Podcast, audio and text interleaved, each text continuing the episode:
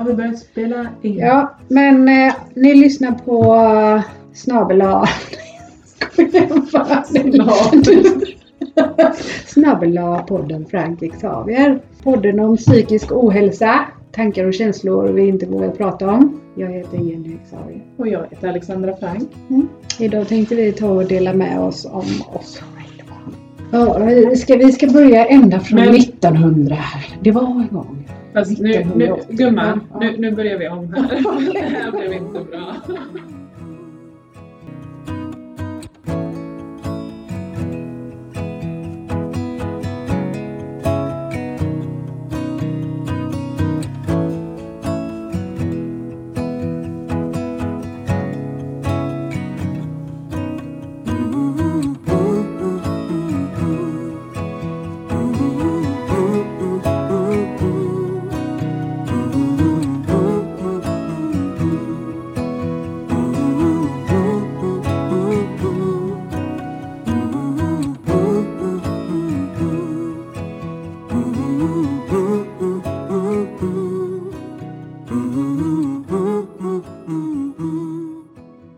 Okej, hej allihopa! Alexandra Frank och, Jenny och välkommen till podden Frank Xavier. Mm. Eh, först och främst Jenny så vill jag fråga dig, hur har din dag varit? För det har inte jag fått veta. Nej, mass, men jaha. Den började väldigt dåligt och sen blev det faktiskt väldigt bra. Vad var det som var dåligt? Eh, Jag vaknade upp och kände att jag behövde sovmorgon. Så jag tog en, en sovmorgon Mm. på en timme. Eh, Det som gjorde att det blev bra sen igen det var när jag tittade på klockan och insåg att det bara var 45 minuter kvar innan jag slutade jobba. Som du märkte, jag, när folk frågar mig hur mår du? Eller hur är läget? Alltså det tar alltid i mig. Alltså jag, jag känner att det är någonting som klickar i mig varje gång någon frågar mig hur mår du? Antingen beror det på att du vet att du kanske inte kommer svara ärligt. Nej, för jag gillar inte att ljuga. För att många, anledningen till att jag säger så är för att många är väldigt duktiga på att säga jo men det är bra tack. Ja, men det gör jag och jag känner ju att då ljuger jag. Ja, men då är det förmodligen därför det tar emot. Mm. Tänker jag, för jag är likadan. Och så börjar ögonen flacka lite grann om man tittar någon annanstans och så börjar man prata om någonting annat Ja. ganska snabbt. Det. Men visst, det är väl inte, man känner väl inte det där klicket eller itchet i sig när någon säger ja läget bra, allt bra med dig, allt bra med dig och så frågar man samma sak fyra gånger. Liksom. Det Ja. tar man ju inte på så allvarligt. Ja. Men eh, när man träffar en vän och som frågar hur är det med dig idag? Mm. Syns det inte? Måste du fråga också liksom? Nej, jag gillar inte den frågan. Men, alltså, Ja, jag ställer den självklart, men jag gillar inte det. Alltså, kan, kan alla som känner mig sluta fråga mig hur jag mår? Jag hör av mig när jag mår bra. Och då skriver jag det. Idag är en bra dag. Det får mig att tänka på allt jävla elände. Nej, jag skojar bara.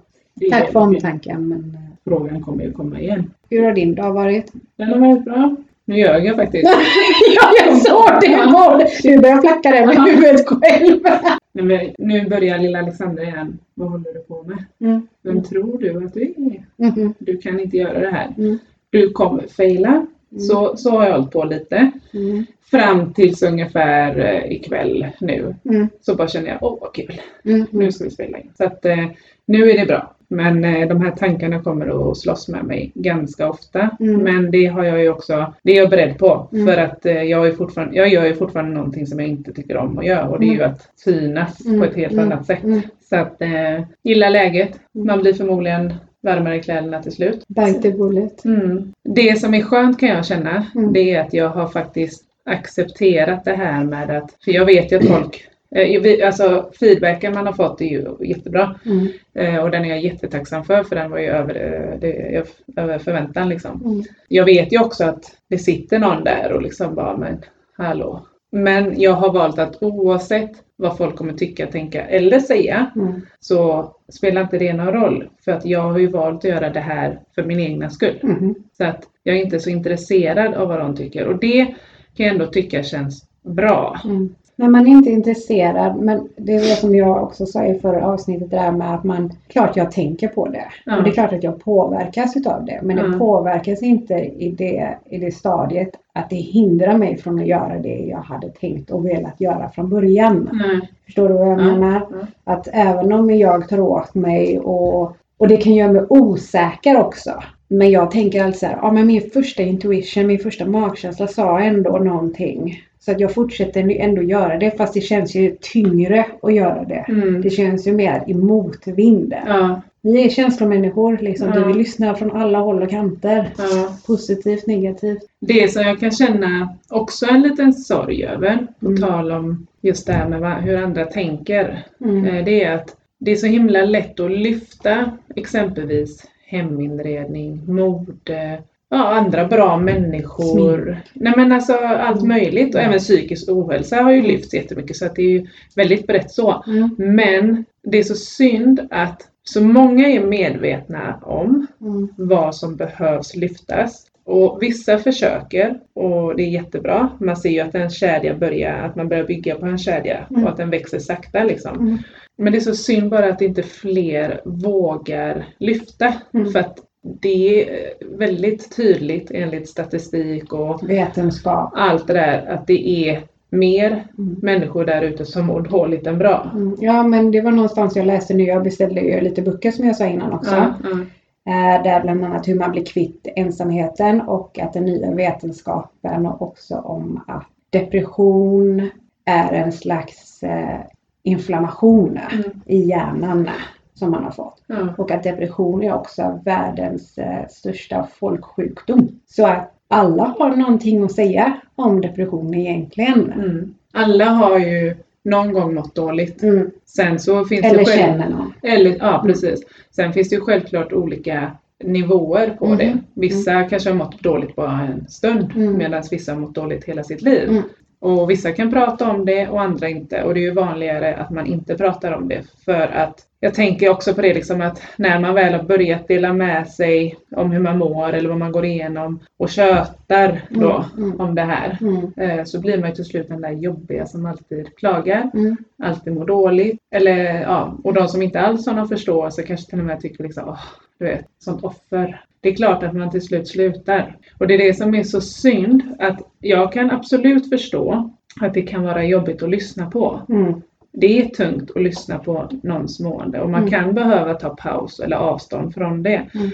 Men då är det också viktigt att kanske säga det, att eh, vart man står i det, att jag Mm. förstår dig men för mig blir det här jättejobbigt, jag hanterar inte detta. Mm. Ja men det kan du och jag också säga emellanåt till varandra. Ja, Liksom, nej men inte idag liksom. Jag, jag klarar inte det. nej. Jag kan säga till en annan vän, alltså du, du, du, du får faktiskt ta och ringa en annan kompis. För jag är inte mottaglig för det idag på Nej. grund av min egna skit. Så, men det, hon började ju bara asgarva och hon sa det, alltså det finns ingen annan vän som dig. nej. För du är så ärlig. Liksom. Så det är okej att säga så. Det är väl självklart att det Är är. man vänner så Mm. kan man säga det. Jag är inte mottaglig för det här idag. Jag kommer inte vara en aktiv lyssnare. Jag kommer inte vara det bästa stödet för dig idag. Liksom. Kan vi Mm. ta det här imorgon? Så att, eh, men i alla fall, Mm. jag tänker nog om det. Mm. Eh, att vi börjar dela med oss Mm. lite om eh, hur våran uppväxt har sett ut och hur den vägen har varit och eh, Mm. vart vi befinner oss i det idag. Så vad känner du? Vill du eller ska jag? Nej men idag får du börja. Åh, men tack. Jag var ju inte mentalt redo för det. Okej, då kan vi börja med att säga så här att jag är ju uppvuxen, det är en väldigt trasig uppväxt och väldigt känslosam nu när jag börjar tänka in för vad det här innebär. Men eh, psykisk ohälsa, vad ska man säga, dysfunktionellt, medberoende, beroenden av eh, alkohol och missbruk överlag och allt det där har ju funnits i mitt liv sedan jag kom. Och eh, jag är ju ett skilsmässobarn. Mina föräldrar gick isär, jag tror det var ungefär när jag var tre år. Och det var ju, nu kan inte jag tala så mycket om vad som hände innan det för jag var alldeles för liten. Mm. Jag vet dock att det inte var så bra för jag har lite minnen vad som, alltså, från innan de skildes åt. Eh, det som hände mig var ju att eh, det blev en... Eh, de kom inte överens. Eh, min mamma eh, var i ett missbruk. Min pappa hade just Han var inte i missbruk då, vad jag har hört. Jag kan inte tala för det heller. Eh, så att det blev ju en, eh, vad ska man säga, det här kom ju till rätten om vem som skulle få vårdnaden av mig. Mm. Eh, och just under en viss tid så var jag väl inte lämpad hos någon har jag fattat det som. Det är lite svårt för mig att göra det här tydligt om min barndom för att eh, mammas sida säger en sak och pappas sida säger en annan sak. Ja. Så jag vet inte vem som säger sanningen i allt. Det här gjorde då att jag fick bo hos min eh, pappas föräldrar, farmor och farfar. Där bodde jag i tre år.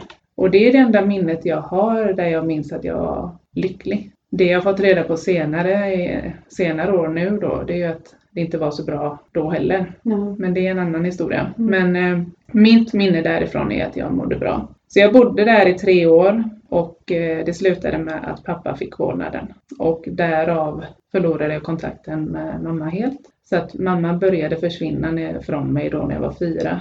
Och hon var ju inte välkommen till min farmor och farfar. Hon var ju som sagt en person de avskydde och det gick via mig. Så att vad de tyckte om henne eh, drabbade mig. Så att jag förlorade kontakten med henne, vilket kan gott och ont. Liksom. Jag förlorade min mamma, men hon var ju också i ett missbruk. Sen eh, när jag skulle fylla sju så fick jag inte bo kvar hos farmor och farfar längre då, för då efter tre år där så vann ju pappa vårdnaden och jag skulle flytta hem till honom. Det första jag minns och känslan i det var att jag ville verkligen inte flytta.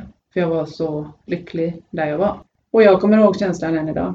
Och det var då min depression började. Jag har ju papper hemma, flera häften där det, som jag kommer dela med mig i något utav avsnitten som jag inte har läst själv för jag vet vad det handlar om Mm. två häften, flera blad där det kommer från barn och ungdomspsyki- ja, psykiatrin eller något sånt där. Mm. Och jag vet att det står att jag har drabbat, drabbats av en djup depression. Mm. Och det här var ju, började i 90-talet. Och jag är född 85 och det fanns på papper redan då. Så nu kan jag ju tänka liksom när det började egentligen Mm. för mig. Eh, jättetungt för mig. Jag har inte kunnat läsa det. Jag fick de här papperna för två och ett halvt år sedan och det vet inte min pappa om. Nej. Det har gått, har gått bakom ryggen på honom. Eh, och jag har inte kunnat läsa det på grund av att det kommer väcka jättemycket känslor i mig. Jättetungt. Men jag vet att när jag väl bodde hos pappa, det var då mitt mående vände totalt. Jag var väldigt ensam. Och det är inte det att jag vill hänga ut pappa som någon dålig person. För han har gjort så gott han har kunnat i sitt mående, för han har inte mått bra. Nej. Jag är verkligen uppväxt i psykisk ohälsa. Mm. Han eh, djupa depressioner och alkohol har varit inblandat och han var aldrig hemma. Mm. Och han var verkligen aldrig hemma. Så jag var alltid ensam hemma och åt alla mina måltider själv. Oavsett. Middagen stod på bordet. Även om han var hemma så åt han i vardagsrummet. Vilket är jättesorgligt idag när jag tänker efter. Men för mig blev det där okej. För Mm. att det var ju så det var. Så att det blev inget fel för mig utan det blev en bekvämlighet. Jag kunde sitta där och läsa mina Kalle-tidningar när jag åt mat. Mm. Men idag så bara känner jag shit, du vet. Från sju år fram tills jag var 18 år så hade jag inget sällskap i bordet. Jag hade inget sällskap hemma. När han var hemma så var det ju alltid någonting jag hade gjort fel. Han var alltid arg. Eller så var jag tvungen att gå ut. Jag blev en person som inte, jag visste inte vad jag kände, jag visste inte vad jag ville, jag visste inte hur jag mådde. Jag visste bara att jag ville leka med folk, eller med barn. Så jag var inte blyg för att börja umgås med folk. Det däremot som jag har reflekterat över redan idag, Mm. det är att jag har umgåtts i stort sett med hela Ale kommun. Eh, för att jag bytte umgänge hela tiden. Och det var inte det att jag gjorde det för att det, jag sökte någonting. För att jag kommer till och med ihåg att jag umgicks med en tjej. Vi umgicks i ungefär en och en halv vecka varje dag. Och så var det en dag, jag bara, men vi syns imorgon igen. Och så säger hon till mig, nej men jag kan inte imorgon för jag ska till min mormor. Och då trodde jag att jag hade besvärat henne så mycket genom att, att jag, jag var så desperat av att leka och umgås med någon. Så att jag trodde att jag hade varit för mycket. Att jag hade kvävt henne typ. Mm. Fast Hur gammal var du då?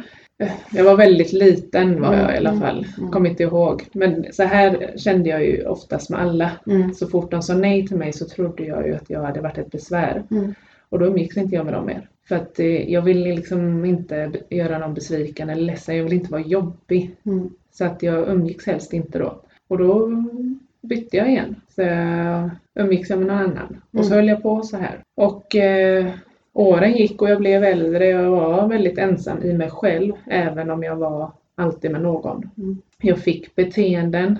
Inte, kan inte säga hur mina beteenden var utåt. Men jag vet ju att vissa kompisar jag hade där hade de, deras föräldrar förbjudit dem att umgås med mig. Mm. Jag vet inte om det var på grund av mig eller på grund av att de visste vilka mina föräldrar var. För det var väldigt många som visste det. Så jag vet inte det än idag.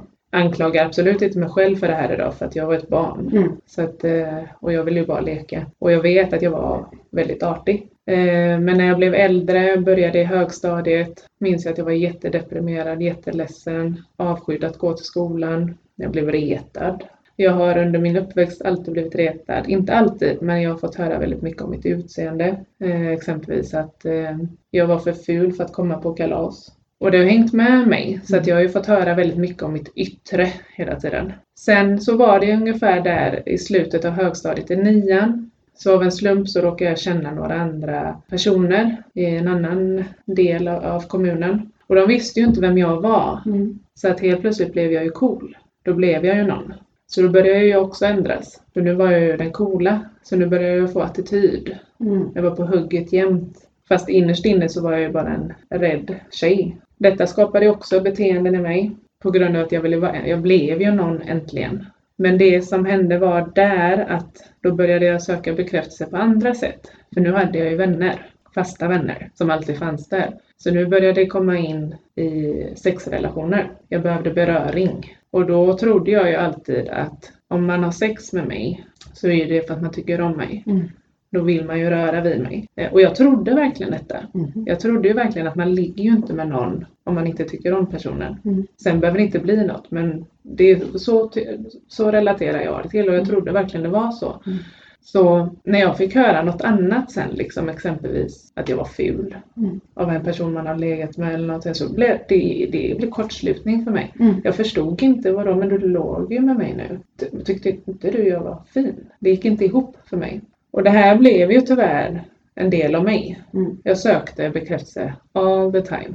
På alla möjliga sätt. Expert på att fly. Jag flydde hela tiden från det som inte var bra. Saken var ju det som jag har reflekterat över idag också. Inte just idag men under äldre dagar. Att jag flydde ju inte från dem. Det var ju från mig själv hela tiden. Mm. Jag, jag sökte ju något nytt hela tiden. Och jag visste inte vad det var jag sökte. Men jag visste liksom att det här är inte bra. Mm. Men allting handlar ju bara om mig. Det är jag som inte är bra. Så jag började ju byta till slut relation även därifrån, tonårstiden då. Så till slut då lämnade jag bara alla utan att ens ge en förklaring. Jag Mm. bara försvann eh, och flyttade till Göteborg. Där jag gjorde likadant. Träffade personer, fick förhållande, kanske sexrelationer.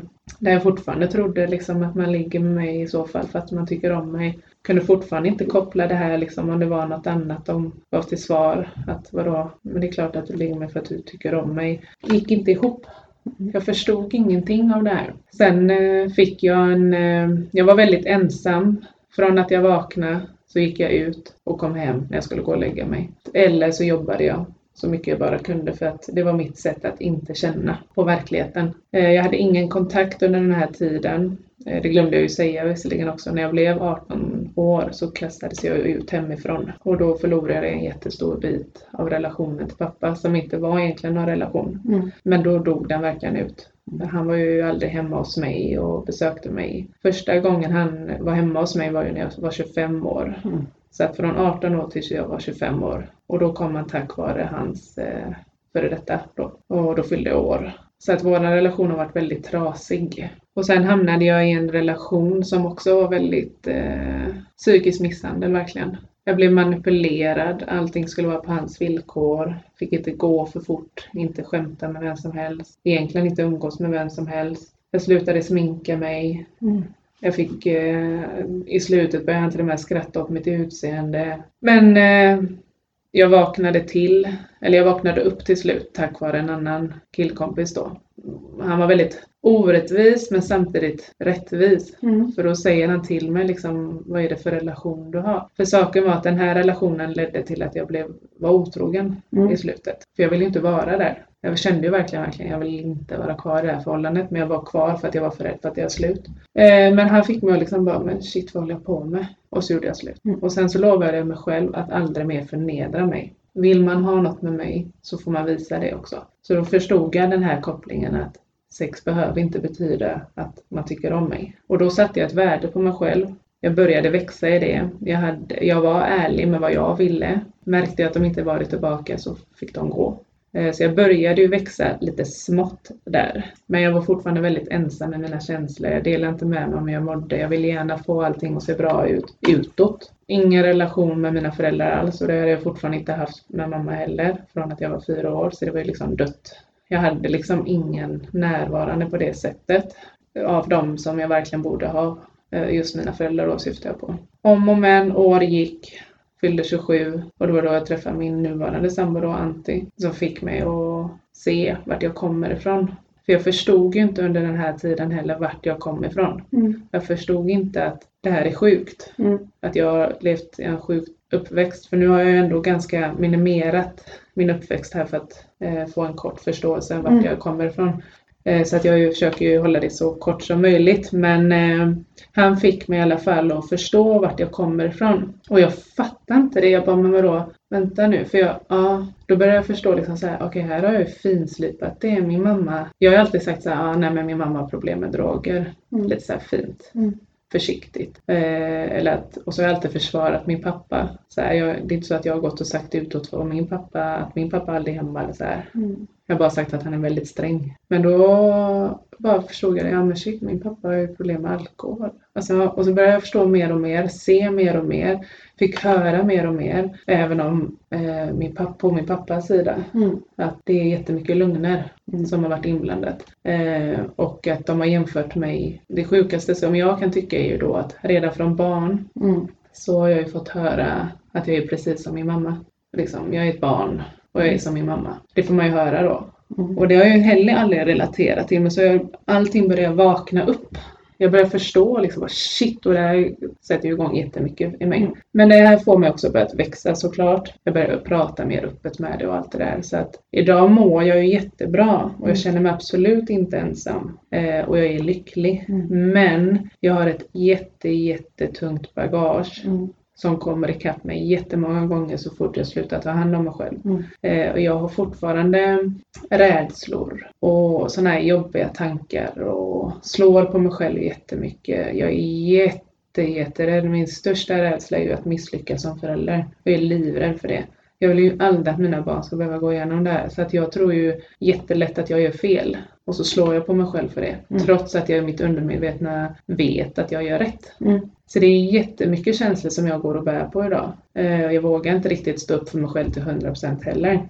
Den här podden är liksom lite nästan att blä för mig. Mm. För att den är så jobbig och ärlig samtidigt som den är så jäkla nyttig. Mm. Och det är därför jag vill göra den. Mycket av det här som jag har delat med mig om kommer jag att prata mer om. Så att jag känner att jag stannar lite där och är nöjd med det. Hur kändes det här då? Nej men det kändes lite jobbigt. Mm. Eh, För att eh, det är också en grej som är jobbig med den här podden. Mm. Att eh, nu drar jag upp lite känslor också som jag faktiskt har lagt ett lock på. Mm. Liksom, lite förnekelse fortfarande och allt det där. Och Mm. dessutom erkänner jag det för folk som inte hade en aning om det nu. Mm. Jag erkänner det för folk som inte känner mig. Mm. Så det är ju jättemycket rädslor och jättemycket ångest. Så det är tungt nu Mm. känner jag. Men jag är expert också på att svälja tårar. Så att det är, frågan är om jag kommer lyckas Mm. gråta i en podd. Någonstans vill jag det. Men jag vill oftast inte visa mig sårbar. Så att, eh, men det sköna med allt det här i alla fall, om jag ska höja mig det sista jag gör nu. Det är klart du ska. jag är jättestolt över mig själv. Mm. Och det är därför jag vill kalla mig ett maskrosbarn då. Mm.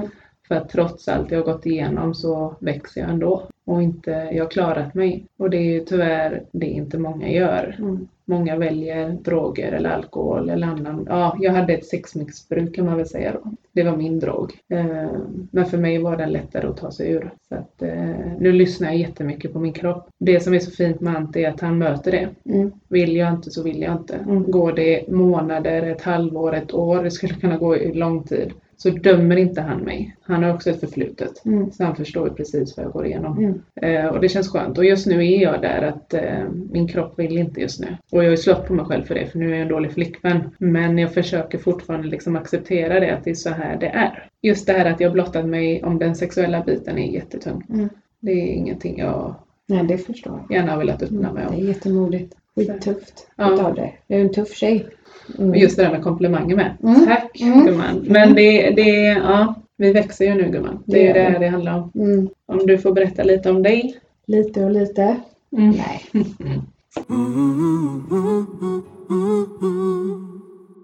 Ja, jag är ju född i Biskop i Göteborg. Jag kommer inte så mycket ihåg det där. Eh, Vi flyttade ganska snabbt till eh, Rannebergen i Angered och bodde i hus där. Då var det jag, mamma och pappa. Mamma och pappa var inte gifta då, men de gifte sig när vi bodde där i Rannebergen. Jag kommer till och med ihåg att vi bodde på Idtjänstgatan 111 Mm. strax ovanför Rannebergs centrum där. Jag kommer ihåg detta trots att jag var i blöjåldern så kommer jag ihåg detta. Sen kan jag ha varit kanske tre, fyra år och då flyttade vi till Lövgärdet och det är där som jag har min resterande uppväxt. Vad, vad jag kommer ihåg, jag var själv till, eh, jag var fem år, sen kom min lillebror. Sen var det vi då tills jag var åtta. Då kom Mm. min lilla syster. Jag har ganska blandade minnen från min uppväxt. Um, Jag kan ju också säga så här mycket att jag och mina syskon har inte samma uppväxt. Vi är um, biologiska syskon, helsyskon. Vi har samma mamma och samma pappa. Men Mm. vi har definitivt på ett sätt inte samma föräldrar. Nej. Vi har inte samma uppväxt. Jag kommer ihåg, eh, då var jag själv som barn. När jag säger själv, då menar jag som barn. Mina syskon inte än- ännu fötts. Jag kommer ihåg våld i hemmet. Jag blev slagen Mm. eh, av pappa då. Pappa slog eh, mamma. Det här har jag och pappa, vi har faktiskt försökt att prata om detta. Mm. Och jag får säga det, den personen han var då är han inte idag. Nej. Det är som om man har, det, det är som om man har bytt person. Det är inte Mm. samma person längre. Nej. Så det, det kommer jag ihåg väldigt mycket. Jag, jag kommer inte ihåg min mamma prata så mycket. Kommer inte ihåg min pappa prata så mycket. Jag kände mig också väldigt ensam som barn. Jag vet inte, det kanske man gör, men nu när jag ser tillbaka till mig själv när jag var barn, när man ska bearbeta, bearbeta vissa saker, då får jag sån här uh, out of body experience. Mm. Att jag liksom, jag ser mig själv som barn. Att jag står bredvid mig själv Mm. i vissa sammanhang som händer. Mm. När man blickar tillbaka på minnen. Jag kommer inte ihåg mig själv att jag pratar så mycket själv med mina föräldrar när jag var liten. Jag har inga sådana minnen liksom där man hade någon konversationer med varken mamma eller pappa. Um, jag kommer ihåg däremot att jag hade en låtsaskompis. Det vet jag att jag hade. Jag vet också, jag kommer inte ihåg om det var mamma eller pappa, men jag vet att jag skulle stå bredvid mackor. Och någon utav, om det var mamma eller pappa, så blev jag bara, vad fan blev det så många mackor för? Mm. Nej men det är inte min kompis. Alltså jag var så inne i den här världen så Mm. jag stod till och med och bredde mackor åt min osynliga kompis som inte fanns. Det är sorgligt. Ja, och det, det tänkte man alltså. Min bror var faktiskt lik, likadan. Mm. Men vi typ skrattade åt honom. För vi, och vi tänkte att han har sån livlig fantasi när han gick runt och pratade med sig själv hela tiden. Men nu med facit i hand så förstod man ju. Men han var ju i samma situation som mig. Han var exakt i samma situation som mig. Fast han var livligare Mm. än vad jag var. Jag var väldigt introvert. Eh, vad jag kan komma ihåg utav mig själv och känslan av mig själv. Mm. Jag vet att jag även hade en känsla ganska tidigt också att det var ingenting som, alltså det, det är någonting som inte stämmer. Det var Med honom menar du? Eller Nej, med med, med, med mig själv. Mm. Då om vi går tillbaka igen då. Mm. Att det var mycket, man, man, man kände sig out of place, man, det, det liksom, man passade inte in. Man kände sig, jag är en energimänniska, det har jag nog också varit hela livet. Att man, man kände av pappas energi, man kände av mammas energi, man ville trösta mamma, man ville, man ville liksom få pappa att lugna ner sig. Mm. Eh, Man ville få pappa att gilla mamma, man ville få mamma att gilla pappa. Och då Mm. blev man den som var i underläge där och då, att det var den man tog till försvar. I ens tankar. Så det blev att ibland så tyckte man synd om pappa och Mm. ibland tyckte man synd om mamma.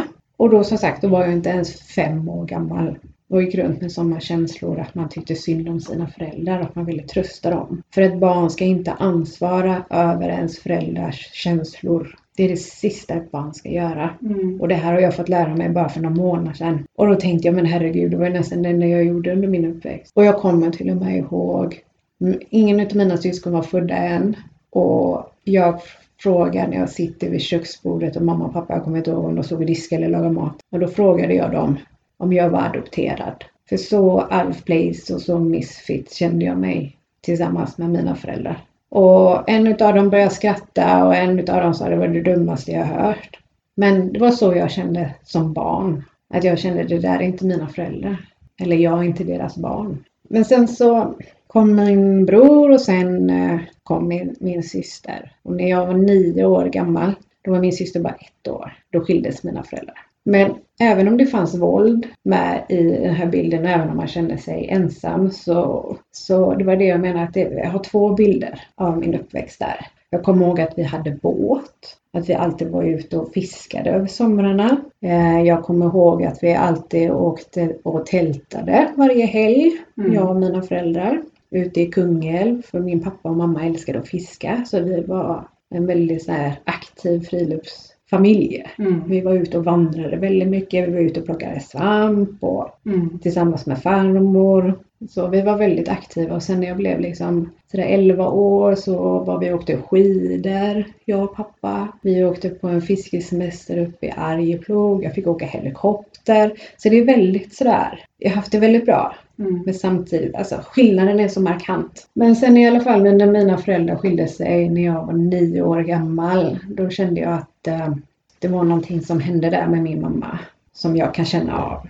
Och på den tiden på 80-talet då, då var det ju inte tal om varannan vecka. Då var det inte varannan helg heller. En gång, en helg i månaden och det kallades för delad vårdnad.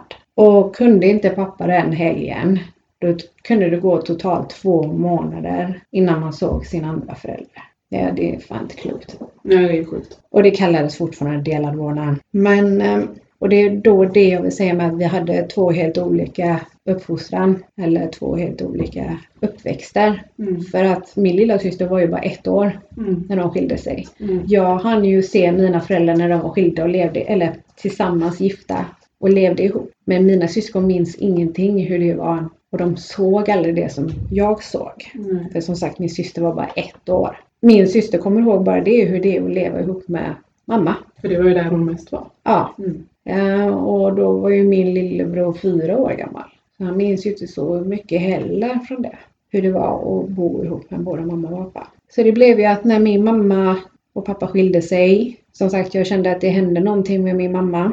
Och sen strax därefter så gick hennes eh, klippa bort och det var hennes pappa. Och där upplevde jag det som att hela min mamma förändrades. Hon blev en helt annan person. Och det är helt förståeligt. Jag kan inte förstå alltså den relationen hon hade till sin, till sin pappa. Jag, jag kan förstå det också. Jag hade känt exakt likadant. Och nu när man själv blir lite äldre, jag menar då, hur gammal var hon när han gick bort? 30? 31? Och jag är idag 39. Och jag misstänker att min mamma hamnade i en kraftig depression efter det. För att jag kommer inte ihåg någonting annat än att min mamma var sängliggandes. Och jag vill nästan säga år. Och, den ena, och sen så fick hon den ena sjukdomen på den andra. Hon, hon fick diagnos skolios. Hon fick diagnos um, KOL. Eh, och hon blev lite rörelseförhindrad då med detta. Och det är ju inte så konstigt om det är en depression som sitter i, i kroppen. Hon, eh, som jag tror också, att hon fick en slags ätstörning. För hon blev väldigt, väldigt liten. Hon har varit lite rund precis som mig, som jag är idag. Men hon blev väldigt, väldigt liten. Och hon kunde exempelvis stå framför spegeln och ta upp tröjan och försöka ta tag i sitt fett och säga Gud vad fet jag är. Och bredvid henne så står jag, 16 år gammal, väger över 100 kilo. Så då kan man ju också förstå då vad jag har fått mina komplex. När man har en mamma som öppet har pratat om sitt så kallade självhat till sin kropp. Väldigt öppet. Att man, nej jag kan inte äta det och då blir man tjock. Och, nej Jenny, du ska helst inte ha sån där jacka om man är rund för då ser man bara tjockare ut. Jag tror inte hon har sagt någonting medvetet, det tror jag inte. För när man är i en viss situation i livet så tror jag nog inte att man vet vad man gör. Och, som liksom, och därifrån hon kommer och sin uppväxt. Men i en sån miljö där då levde jag. Och det var jag där som tog hand om mina syskon för pappa var ju inte närvarande mer än en helg i månaden. Mm. Jag kommer ihåg att det kunde, eh, vid en period så tog det mellan tre till fyra månader innan jag såg min pappa. Eh, och då var det bara en, ja, han kom och hämtade oss fredagen, jag hade hela lördagen, sen lämnade han oss söndag. Och sen kunde jag relatera så mycket till när du sa att mamma sa en sak om pappa och pappa sa en sak om mamma. Mm. Jag var ju deras brevbärare. Pappa kunde vara så grov i munnen. och det kommer jag vara nu för jag kommer nästan citera honom. Men han kunde säga rakt upp i mitt ansikte att min mamma var en jävla fitta. Hon är en jävla kossa. Ingen respekt för dig överhuvudtaget. Kan man säga så. Nej. Och hon var både det ena med det tredje och hon var lugnare. Och han försökte ju få vårdnaden av oss genom att prata illa så om mamma. För att det skulle vara hans hämnd. Det är så sjukt att gå via barn. Och mamma i sin tur, hon använde inte sådana ord. Mm. Men hon målade ju upp pappa som något jävla monster. Hon hotade ju alltid med honom. Mm. Passar inte så kan du ju flytta hem till pappa så får vi se sen om det är så mycket bättre där. Ja men det kanske det är, nej du vet. Alltså hon målar ju upp honom som ett monster. Att Mm. lyssnar inte jag på henne för då skulle hon minsann ringa till pappa så kunde jag ju bara räkna ut vad som skulle hända. Så det, det växte jag upp med hela tiden. Och då det blev det också det där liksom att visst pappa gjorde inte rätt. Men då var han the underdog där igen Mm. när jag var hemma hos mamma. Då tyckte man synd om pappa. Jag tyckte inte det var rättvist. Och så tänkte man så, "Åh, äntligen nu ska vi åka hem till pappa. Det blir skönt att slippa mamma ett tag. Liksom. Typ, självklart. Jag har varit i två månader med mamma. Det ska bli skönt att komma bort två nätter. Och så kom man hem dit till pappa. Och då får man höra massa saker. Man har trasiga kläder tycker han. Man har trasiga skor. Och vad i helvete betalar jag underhåll för? Nej, det är väl bara för att din mamma ska spela på hästarna nu eller hon är ute och ränner med karar och super upp pengarna fast det ska gå till kläder på kroppen. Och då blir man så här, nej men det stämmer ju inte. Ja, visst mamma kanske var ute någon gång liksom. Att man vet själv. Men då blev mamma det underdog och då gick man till försvar för mamma. Liksom. Jag stod ändå upp för mina föräldrar båda gångerna. Om det var min pappa som snackade skit om mamma så vi kunde ju börja bråka sen Mm. när jag blev tillräckligt gammal och kunde argumentera. Och det var ju likadant för mamma när jag var hemma hos mamma.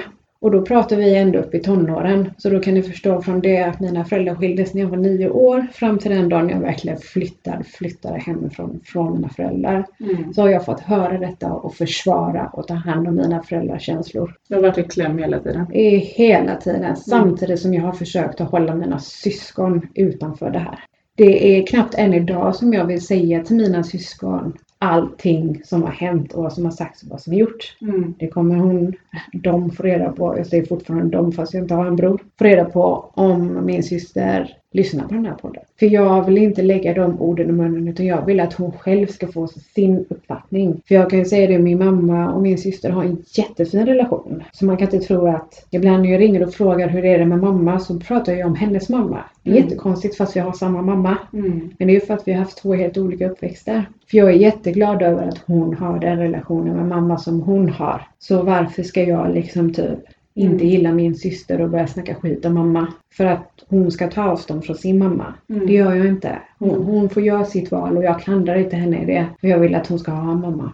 Jag och min mamma idag har ju ingen kontakt alls. Vi kanske hörs på jul och födelsedagar så. Men det Mm. fanns också en period under sex års tid där vi inte ringde varandra, smsade varandra, ingenting utan jag sa stopp. Men där har jag liksom det som jag har växt upp med verkligen att ha ansvar och ta hand om andra fysiskt och psykiskt hela vägen. Det är någonstans där också som min depression dök upp. För i detta så vart jag överviktig. Man hade skolan att han- handskas med. Där var det som att mobba eller bli mobbad Mm. på grund av hur jag såg ut inom situationstecken. Så att jag blev ju den som mobbade. Bara för att ingen skulle sätta sig på mig. Nu säger inte jag att jag var skolans, eh, skolans badass men jag kan ju säga att det fanns en eller två personer som jag inte var riktigt snäll mot och som Mm. gick i, i min klass. Men det var lite grann för att det, jag gjorde det för att hävda mig så att de andra såg att messa inte med mig. Kalla inte mig det här för då kan man på en propp helt Mm. enkelt. Men sen så var det också de som var mina innersta vänner också. De, de satte jag mig inte på så. För att när de sa vissa saker så gjorde det mer ont i mig och det gjorde att inte jag kunde ge tillbaka. För att det gjorde så jädrans ont. Det där när vi också pratade om ehm, i förra avsnittet att jag alltid har gått min egna väg.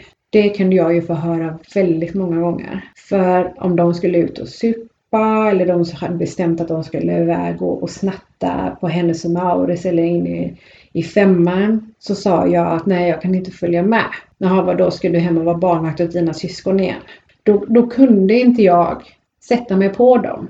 För alltså det var så synligt vad som pågick i min familj. Att barn såg detta och körde upp det i mitt ansikte. Alltså man blev ju så sårad. Mm. Så det, jag blev ju bara paralyserad. Jag kunde inte säga eller göra någonting åt Mm. det när de sa sådana saker. För det var sant. Det var sant. Min mamma var sängliggandes och hon var sjuk. Jag fick gå hem på rasterna för att gå ut med hunden för hon klarade inte att gå ut med hunden. Ibland fick jag gå lite tidigare och hämta mina syskon från fritids eller dagmamman. För att hon klarade inte av att göra det. Du blev vuxen väldigt fort. Jag blev vuxen väldigt fort. Och då hade inte jag ens gått ut högstadiet. Och jag kan säga det att det är de här åren som formade mig. För att där och då sa jag bara, när jag slutar skolan så ska jag ha ett jobb och sen jävlar ska jag flytta hemifrån. Det var det första, alltså det var det som var min, mitt fokus. När sen jag började gymnasiet. Jag hade ju inte problem med alkoholen men jag söp jävligt mycket. Det gjorde jag. Och väldigt ofta. Men när jag började där i gymnasiet då var det bara att jag stängde in mig på rummet. Och det var bara plugga, plugga, plugga, plugga, plugga, plugga, plugga. Mm. Jag fick gå om ett år för jag hade inte så bra betyg. Och där gick jag min egna väg också. Att jag tänker inte bli som mina föräldrar. Jag tänker definitivt inte bli som mina föräldrar. Aldrig i livet. Och jag märkte ju sen att när jag tog studenten att jag fick praktiskt taget de absoluta toppbetygen och jag fick, eh, och jag fick stipendier för mönster, som mönsterelev. Och det var första gången någonsin, och jag gick ju gymnasiet när jag var 20 år, som Mm. jag kände att jag hade fått någonting för någonting jag faktiskt hade gjort bra. Och det var inte från en förälder eller släkt, utan Mm. det var från en helt okänd människa innan situationstecken fast det var en lärare. Men att den här personen såg mig som person Mm. och belönade mig för gott arbete. Det var första gången jag fick känna på detta Mm. och då var jag 20 år på Mm. min student. Första gången. Och då fick jag en ännu större gästfokusering. Och det var det här också, det här klarade jag själv. Fast det var tufft. Mm. Men jag klarade det här själv. Och det gav mig kicken att det går. Även om det är svårt så går det. Så det har ju format alla mina andra utmaningar nu. Så även om det fortfarande är svårt just med känslan ensamhet så har jag uppnått precis allting jag har velat. Och varje gång jag uppnår någonting nytt som jag vill så får jag en ny kick som gör att jag går vidare. Och så Mm. klarar jag det så får jag en ny kick så går jag vidare. Där är vi jätteolika. Där har ju du liksom tänkt att du vill inte vara ensam. Här har ju jag ju fått belöningen genom att göra det ensam. Förstår du vad jag menar? Mm. Verkligen. Ja. Två helt olika. Det, det samma grunder men ändå precis Natt och dag. Egentligen har, varje gång jag har sagt ensam är stark så menar väl jag ju inte just ensam är stark men det är ju så jag har blivit präglad. Jag, det, när jag har uppnått någonting så är det ju för att jag har varit ensam. Så det är det som har präglat mig genom dit jag är idag. Jättestark person måste jag säga. Nej men eh, som många kanske inte har hört eller vet så har inte jag Jenny känt varandra länge. Så att den här historien har jag aldrig hört eh, av Jenny. Och att höra då hur bra du har lyckats trots Mm. alla hinder och, som, har, ja, som har varit i vägen för dig. Mm. Det är, det, jag tycker det är jättestarkt. Tack. Och det gör ju också dig till ett maskros Mm. Som jag gärna vill lyfta för jag tycker det är så himla fint. Det, och jag kan ju relatera lite. Jag, kände, det, jag tänkte just på det när du sa att din pappa, att det var våld i hemmet och så. Mm. Kom jag ju tänka på det att, ja men shit det var det ju hos mig med. Och det har jag också finslipat genom Mm. att, men han gjorde ju inte så hårt. Eh, jag minns ju att han tog strypgrepp. Mm. Men det var ju inte så att jag kvävdes. Eller han dunkade mitt huvud mot en mjuk säng.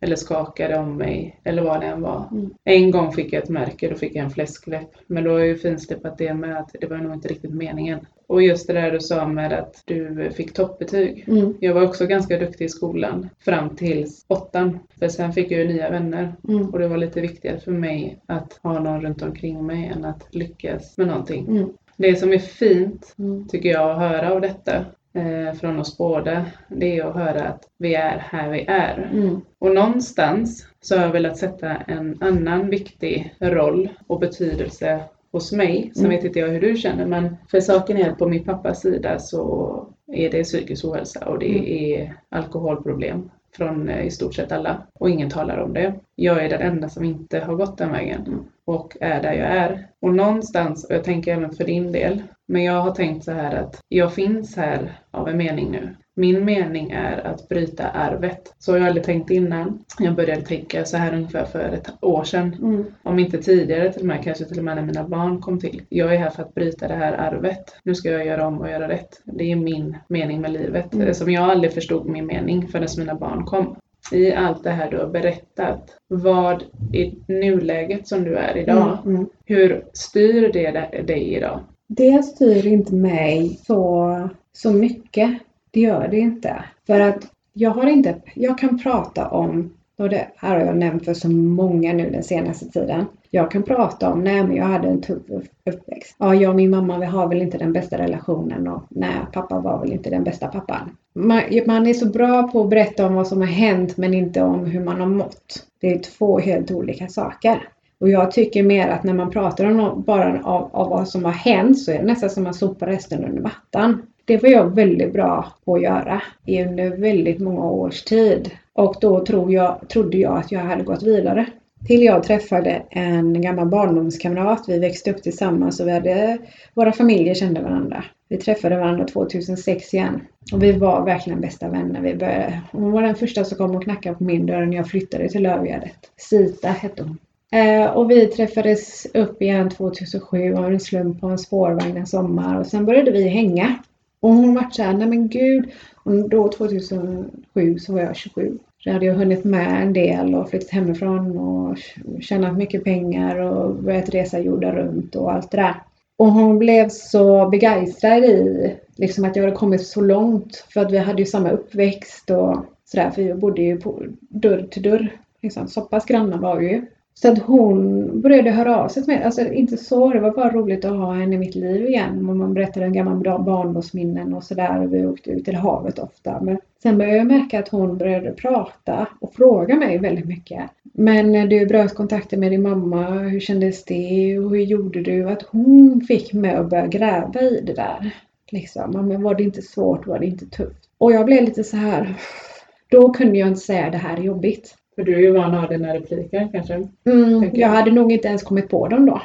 Så att jag sa ju liksom vad jag tyckte och tänkte och jag började gråta när vi pratade om vissa saker och hon började också gråta. Till slut började jag inte svara i hennes, hennes telefonsamtal när hon ringde mig för att det blev för jobbigt. Jag tror det var då jag började ta itu med det. För jag trodde ju att jag hade bearbetat min mamma också bara genom att se upp kontakter med henne och inte prata med henne på sex år. Mm. Så, borta, det finns inte mer. Men jag och min mamma efter det vi har fått möjligheten att prata ut. Men vi är överens om att vi inte är överens. För, men det, det var där jag började bearbeta det. Men det var så intensivt för att hon var en energimänniska precis som mig och det blev bara för mycket. Så jag började sluta svara på hennes telefonsamtal. Och sen så skrev jag, jag klarar inte av det här. Du drar upp för mycket. Skrev jag ett sms då. Lennart.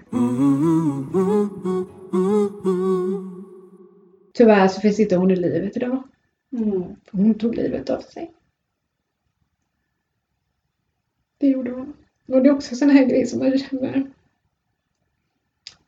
att våra föräldrar, vi firar jul och nyår ihop.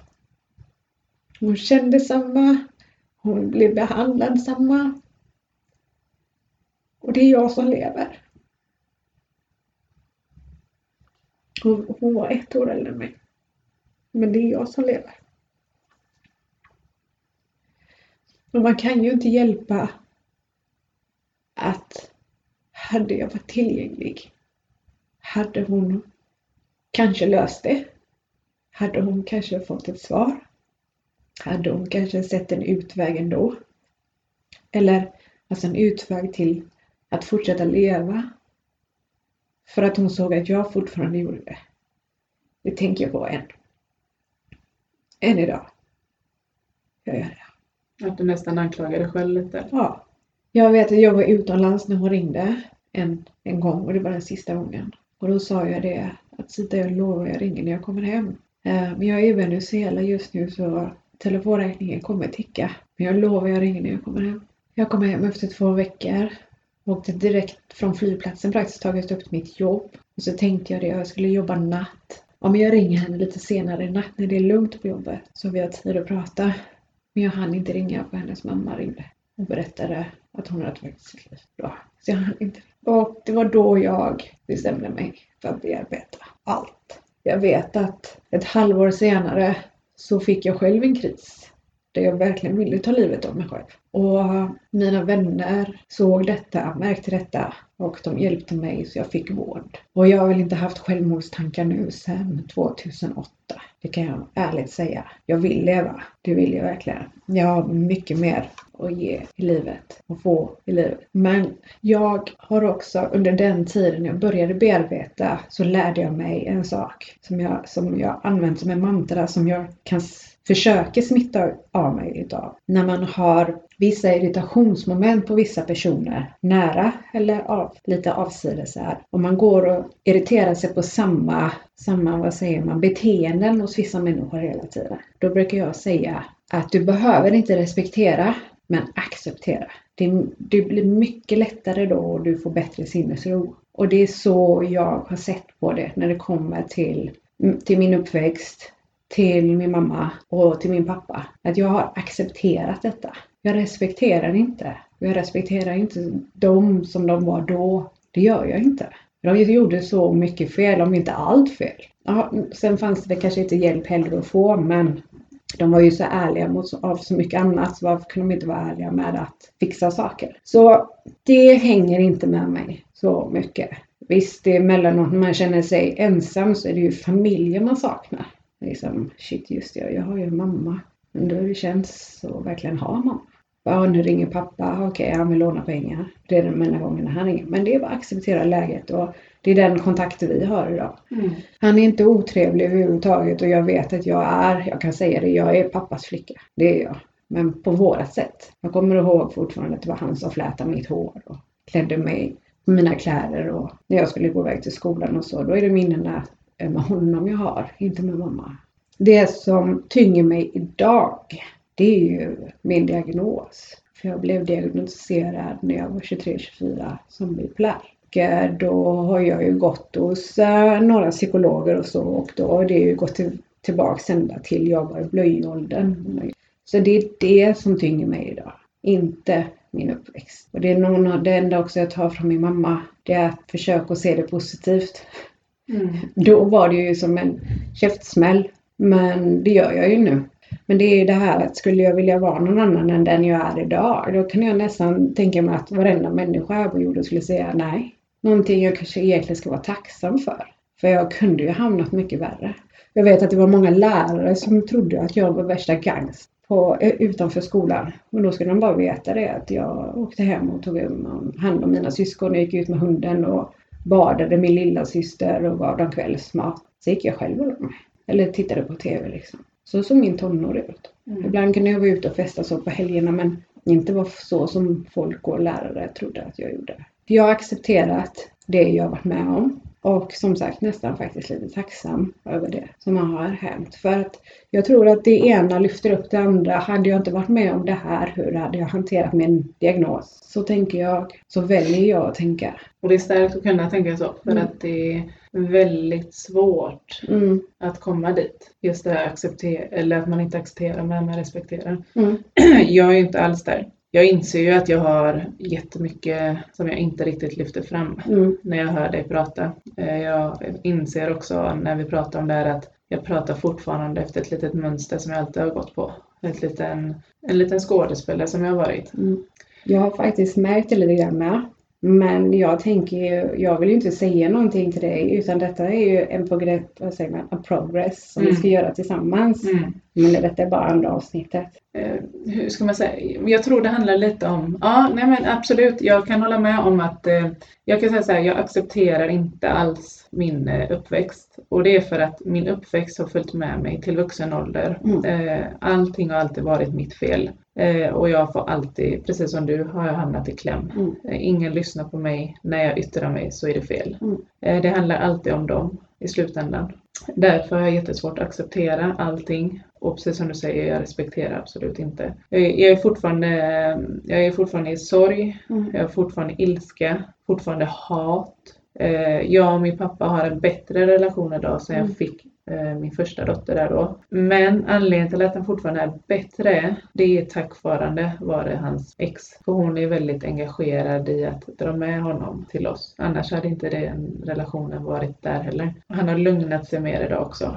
Eh, han är inte lika arg av sig eller aggressiv heller. Mm. Som jag sa, jag mår ju bra. Mm. Men jag har, hur ska vi säga det här då? Att jag har svårt, jag, eftersom jag har alltid haft en, jag har alltid varit en skådespelare, pratat efter ett manus. Och jag har utvecklats i det här manuset. Det har jag gjort. Mm. Men jag håller mig fortfarande efter samma rad. Ehm, Så att jag inser ju när jag berättar saker och ting hur mycket jag hoppar över. Mm. Fan, det är ju så mycket att säga. Och nästan så att att det blir lite jobbigt. Det är jävligt vidrigt, tycker jag, att överlag att barn ska behöva gå igenom det här. För barn ska verkligen få vara barn. Mm. Just det där att jag har ju fyra syskon till som Mm. jag inte har någon kontakt med på det sättet. Halvsyskon på mammas sida. Så eftersom Mm. jag inte känner mamma så känner jag inte dem heller. Och tyvärr då så har det inte gått så bra för alla. Två personer har jag lite mer kontakt med då och då. Men det är ingen relation vi Mm. har. Men det är så mycket jag förlorat. Och jag förlorade mig själv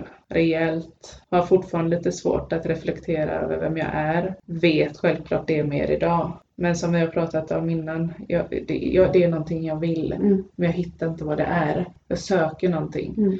Och det var ju så podden dök upp också. Mm. Liksom att jag, vill, jag vill att någonting ska gå via mig utåt. Och det känns liksom någonting som jag, jag har alltid haft ångest när det handlar om mig. Jag, men fortfarande det här att det här kan inte jag göra. Men när det kommer till den här podden så har jag aldrig tvekat på det sättet. Att Mm. även om mina känslor kommer ikapp och liksom slår på mig och du är värdelös och allt det där. Så är det ändå fortfarande det här, något inre i mig som har sagt att du vill göra det här. Och jag har inte velat backa. Jag har liksom gått framåt hela tiden i just det här. Så att det, det ska bli en jävligt spännande resa för Mm. att det här får mig att förstå hur mycket det är vi har att prata om. Och jag tror för oss båda faktiskt, Mm. det är mycket vi förnekar som vi kanske inte har vaknat upp till och sett själva ännu heller. Mm.